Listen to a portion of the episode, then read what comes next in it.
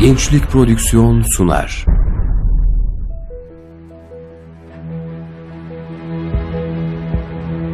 Bizim davamız İslam'dır.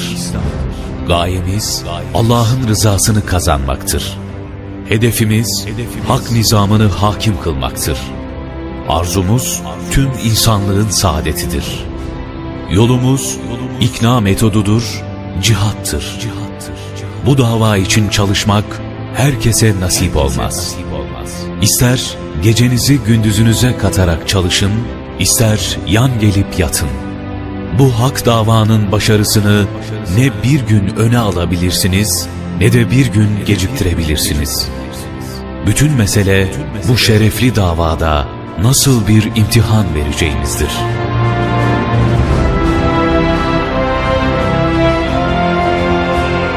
Profesör Doktor Necmettin Erbakan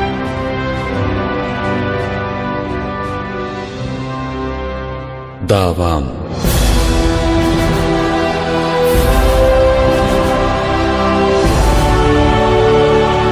Profesör Doktor Necmettin Erbakan'ın kendi kaleminden mücadelesi, hedefleri ve yaşadıkları. Seslendiren Arif Bildirici. Kayıt montaj Ali Güngör.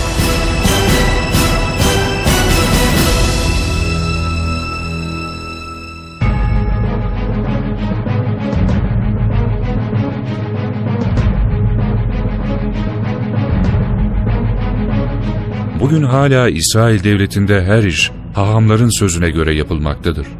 Dolayısıyla bugünkü Yahudilik, hahamların tutucu ve ırkçı düşünceleriyle meydana gelmiş bir ideolojidir.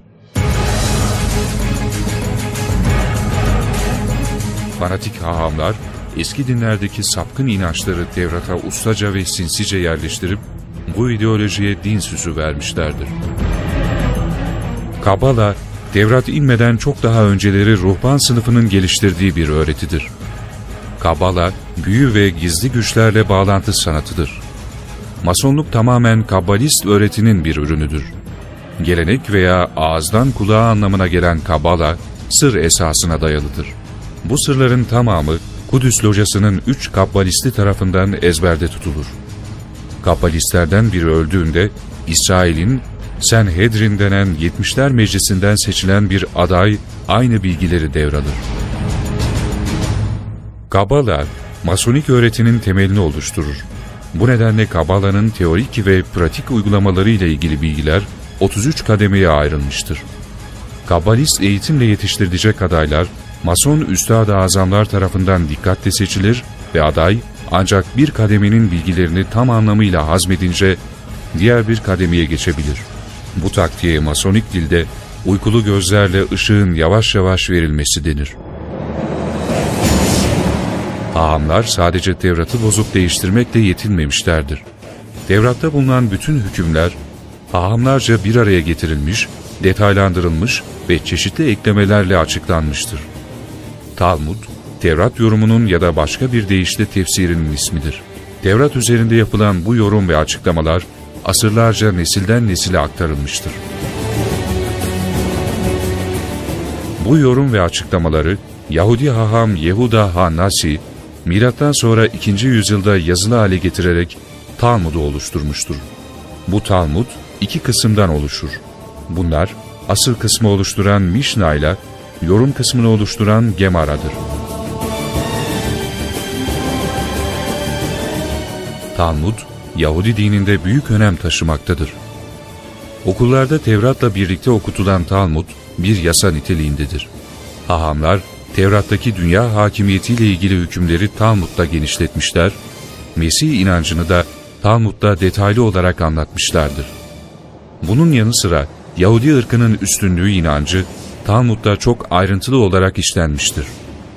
Yahudilerin üstünlüğü ahiret için de geçerlidir.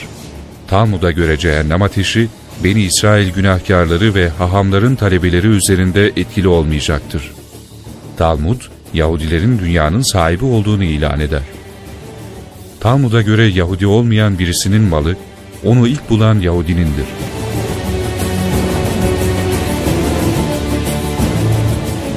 Şimdi Tevrat'tan aktardığımız şu bölümü dikkatlice okuyalım.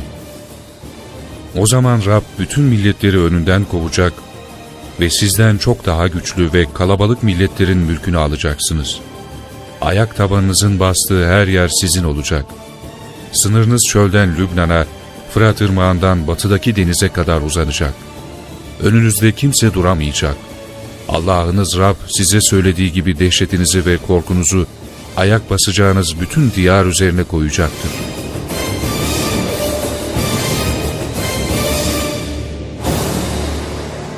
Gördüğünüz gibi hahamlar Tevrat'a üstün ırk inançlarını eklerken, bu ırkın yaşayacağı toprakların sınırlarını çizmeyi de unutmamışlardır. Tevrat'a göre Allah, Yahudilere Kenan diyarını vaat etmiştir. Yahudi dünya hakimiyeti gerçekleşmeden önce, bu topraklarda sadece Yahudilerin yaşadığı bir devlet kuracaktır. Bu devlet, Büyük Dünya Krallığı'nın merkezi ve idari yeri olacaktır.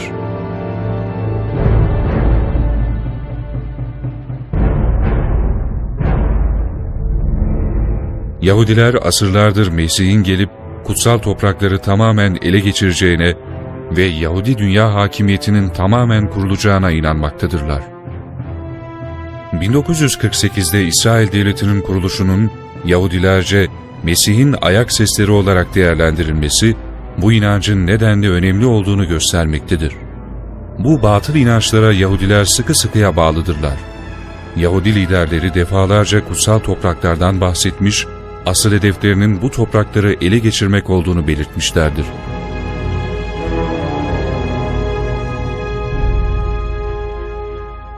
Siyonizmin teorisyenlerinden Theodor Herzl şöyle diyor. Kuzey sınırlarımız Kapadokya'daki Orta Anadolu dağlarına kadar dayanır. Güneyde de Süveyş kanalına. Sloganımız David ve Salomon'un Filistin'i olacaktır.'' İsrail Devleti'nin kurucusu David Ben Gurion, 1948 yılında benzer şeyleri söylüyor. Filistin'in bugünkü haritası, İngiliz manda yönetimi tarafından çizilmiştir. Yahudi halkının gençlerimizin ve yetişkinlerimizin yerine getirmesi gereken bir başka haritası vardır. Bu harita, Nil'den Fırat'a kadardır. Görüldüğü gibi Türkiye'nin de bir bölümünü içine alan kutsal toprakları ele geçirmek, Yahudilerin bugün önem verdikleri kutsal amaçlarından birisidir. İsrail ordusu bu amaç için savaşmaktadır. Fanatik hahamlar Tevrat'ı değiştirirken diğer bütün milletlere karşı kin, nefret ve intikam hislerini de Yahudi dinine sokmuşlardır. Bu kine dayalı sapkın ideoloji, tarih boyunca sayısız katliam ve vahşet eyleminin yapılmasına sebep olmuştur. Tarif edilmiş Tevrat'ta yer alan şu ifadeler bunun apaçık delilleridir. İşte benden miras olarak sana milletleri, mülkün olarak yeryüzünün uçlarını da vereceğim. Onları demir çomakla kıracaksın, bir çömlekçi kabı gibi onları parçalayacaksın. Ve Allah'ın Rabbin sana teslim edeceği bütün vehimleri bitireceksin. Gözün onlara acımayacak.'' Daha fazla örnekler vermeye lüzum görmüyorum.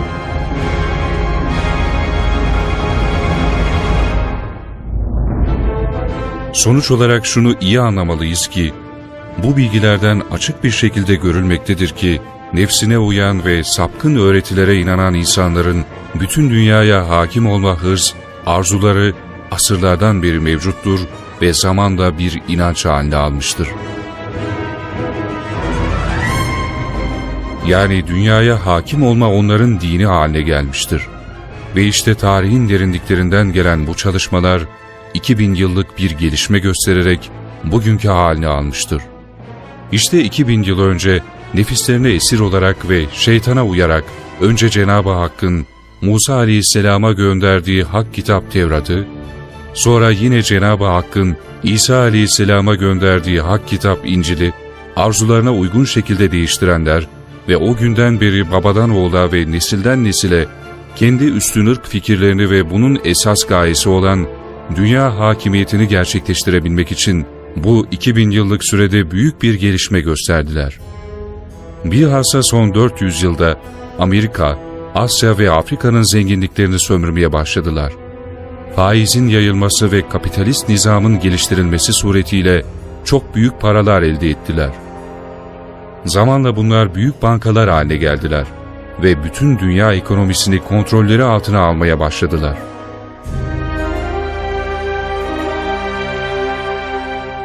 Astronomik ölçülerde zenginleşen bu kimseler sadece ekonomik hayatı değil, zamanla bütün dünya ülkelerinin siyasi yönetimlerini de kontrolleri altına almaya başladılar.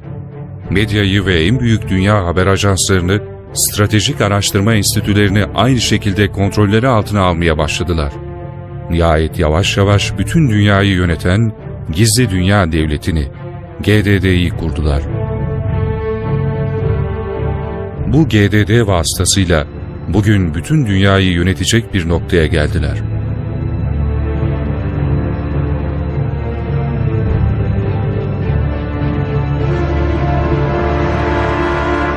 Siyonist idealler doğrultusunda yeşil bir kağıt olan doları dünya parası yapıp istedikleri kadar para basmak suretiyle elde ettikleri astronomik zenginlikleri daha da artırdılar. Gizli Dünya Devleti'nin ne olduğunu anlamak için bugün küresel bir para haline getirilen Amerikan dolarını incelemek bile yeterlidir. ABD dolarının üzerine 1933 yılında Roosevelt tarafından ehram resmi yani Mısır piramidi yerleştirilmiştir. Bu ehram, Siyonist güçlerin dünyayı nasıl kontrol ettiğini gösteren karakteristik bir şemadır.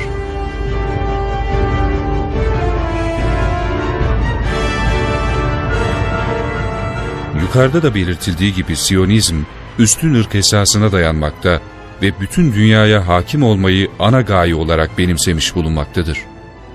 Bunun gerçekleşmesi için Siyonizmin temel kitabı olan Kabala, dünya hakimiyetinde temel esas alınmıştır. Kabala'nın ise üç önemli uyarısı vardır. Bunlar gizlilik, itaat ve hahamlar tarafından konulan kurallara tam bağlılıktır. Gizlilik kuralı, köle yapılmak ve sömürülmek istenen diğer insanlar tarafından kurdukları tezgahlar, çevirdikleri dümenler, karanlık ve gizli yöntem ve faaliyetleri fark edilecek olursa, büyük reaksiyonlar doğabileceğinden temel esas olarak alınmıştır. Bunun sonucu olarak da gerek kitapları, gerek konuşmaları, gerekse muamelelerinde mesajlarını, direktiflerini, hedef ve yöntemlerini açıkça değil, sembollerle ve manalarını kendilerinin bildikleri işaretlerle aktarmaktadırlar. Bu sembol ve işaretlerin manasını ancak derece derece gelişerek, kontrol ederek en üst dereceye ulaşmış kimseler tam olarak bilebilmektedirler. İşte bu sembolik çalışma esasının bir sonucu olarak dolardaki ehramın üzerinde Anuit Coeptis sözü yazılmıştır. Bunun malası zafere ulaşıldı demektir. Gizli Dünya Devleti yeşil kağıt doları dünya parası yapmakla ve piramidini bu paranın üzerine yerleştirmekle kendisini büyük zafere ulaşmış saymaktadır.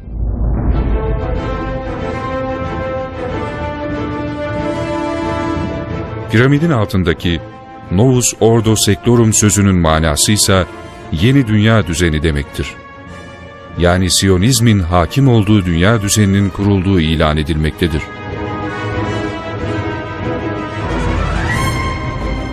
Yeni Dünya Düzeni sloganı Siyon mürşitlerinden Adam Weishaupt tarafından 1 Mayıs 1776'da Illuminati locası kurulduğu zaman bu locanın amblemi olarak kabul edilmiştir.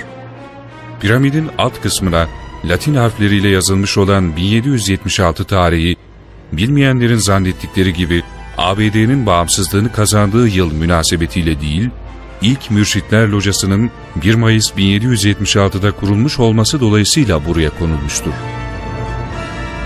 Bu piramidin en altındaki birinci basamak bütün insanlığı ifade etmektedir. Böylece bu piramit, Siyonizmin bütün insanlığı yani yeryüzündeki 6 milyar insanı nasıl kontrol ettiğini belirtmektedir. İnsanlığı kontrol için kurulan sistem, en tepedeki yöneticilerin arzularının yerine getirilmesi, plan ve programlarının uygulanabilmesi için böyle bir piramit sistemi esas alınmıştır.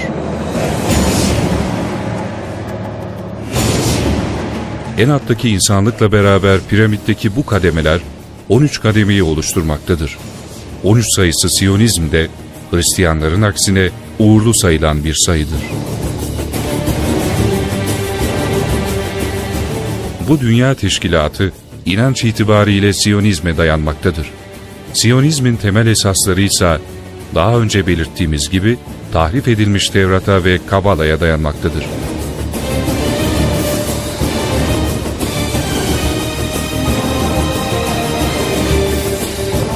Bu sistemin en büyük özelliği bir kere daha belirtirsek gizlilik ve itaattir. Bundan dolayı her biri yalnızca kendisine verilen emirleri yerine getirir. Kurulan hücre sistemi sayesinde her birinin yalnızca en üst derecesindekiler bir üst örgütle bağlantı içine girebilirler. Sistemin tümünü bütün sırlarıyla bilenlerse yalnızca en üstteki kabalist hamlardır. Piramidin en üstündeki üçgen içindeki göz, mason ilahının gözüdür. Bu sembol, nihai gayeyi temsil etmektedir. Bu göz, Cenab-ı Hak her şeyi görür gerçeğinin karşısında, bizim ilahımız da her şeyi görür, hatta her şeyi daha iyi görür iddiasını temsil etmektedir. İlk bakmaktadır ve şaşıdır. Masonlar birbirleriyle tanışmak için bu parolayı kullanmaktadırlar. Karşılaştıklarında el sıkışırken sağ ellerinin baş parmağını diğerinin eline özel şekilde bastırmakta ve gözlerini de eğik tutarak aşağıya doğru bakmaktadırlar.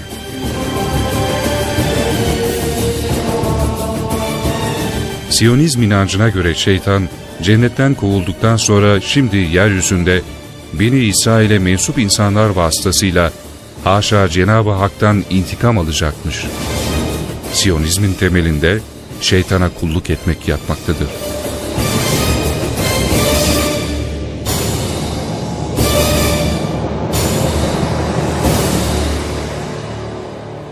Davam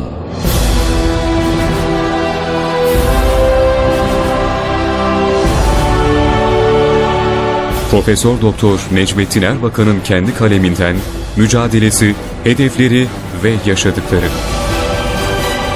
Seslendiren Arif Bildirici. Kayıt montaj Ali Güngör.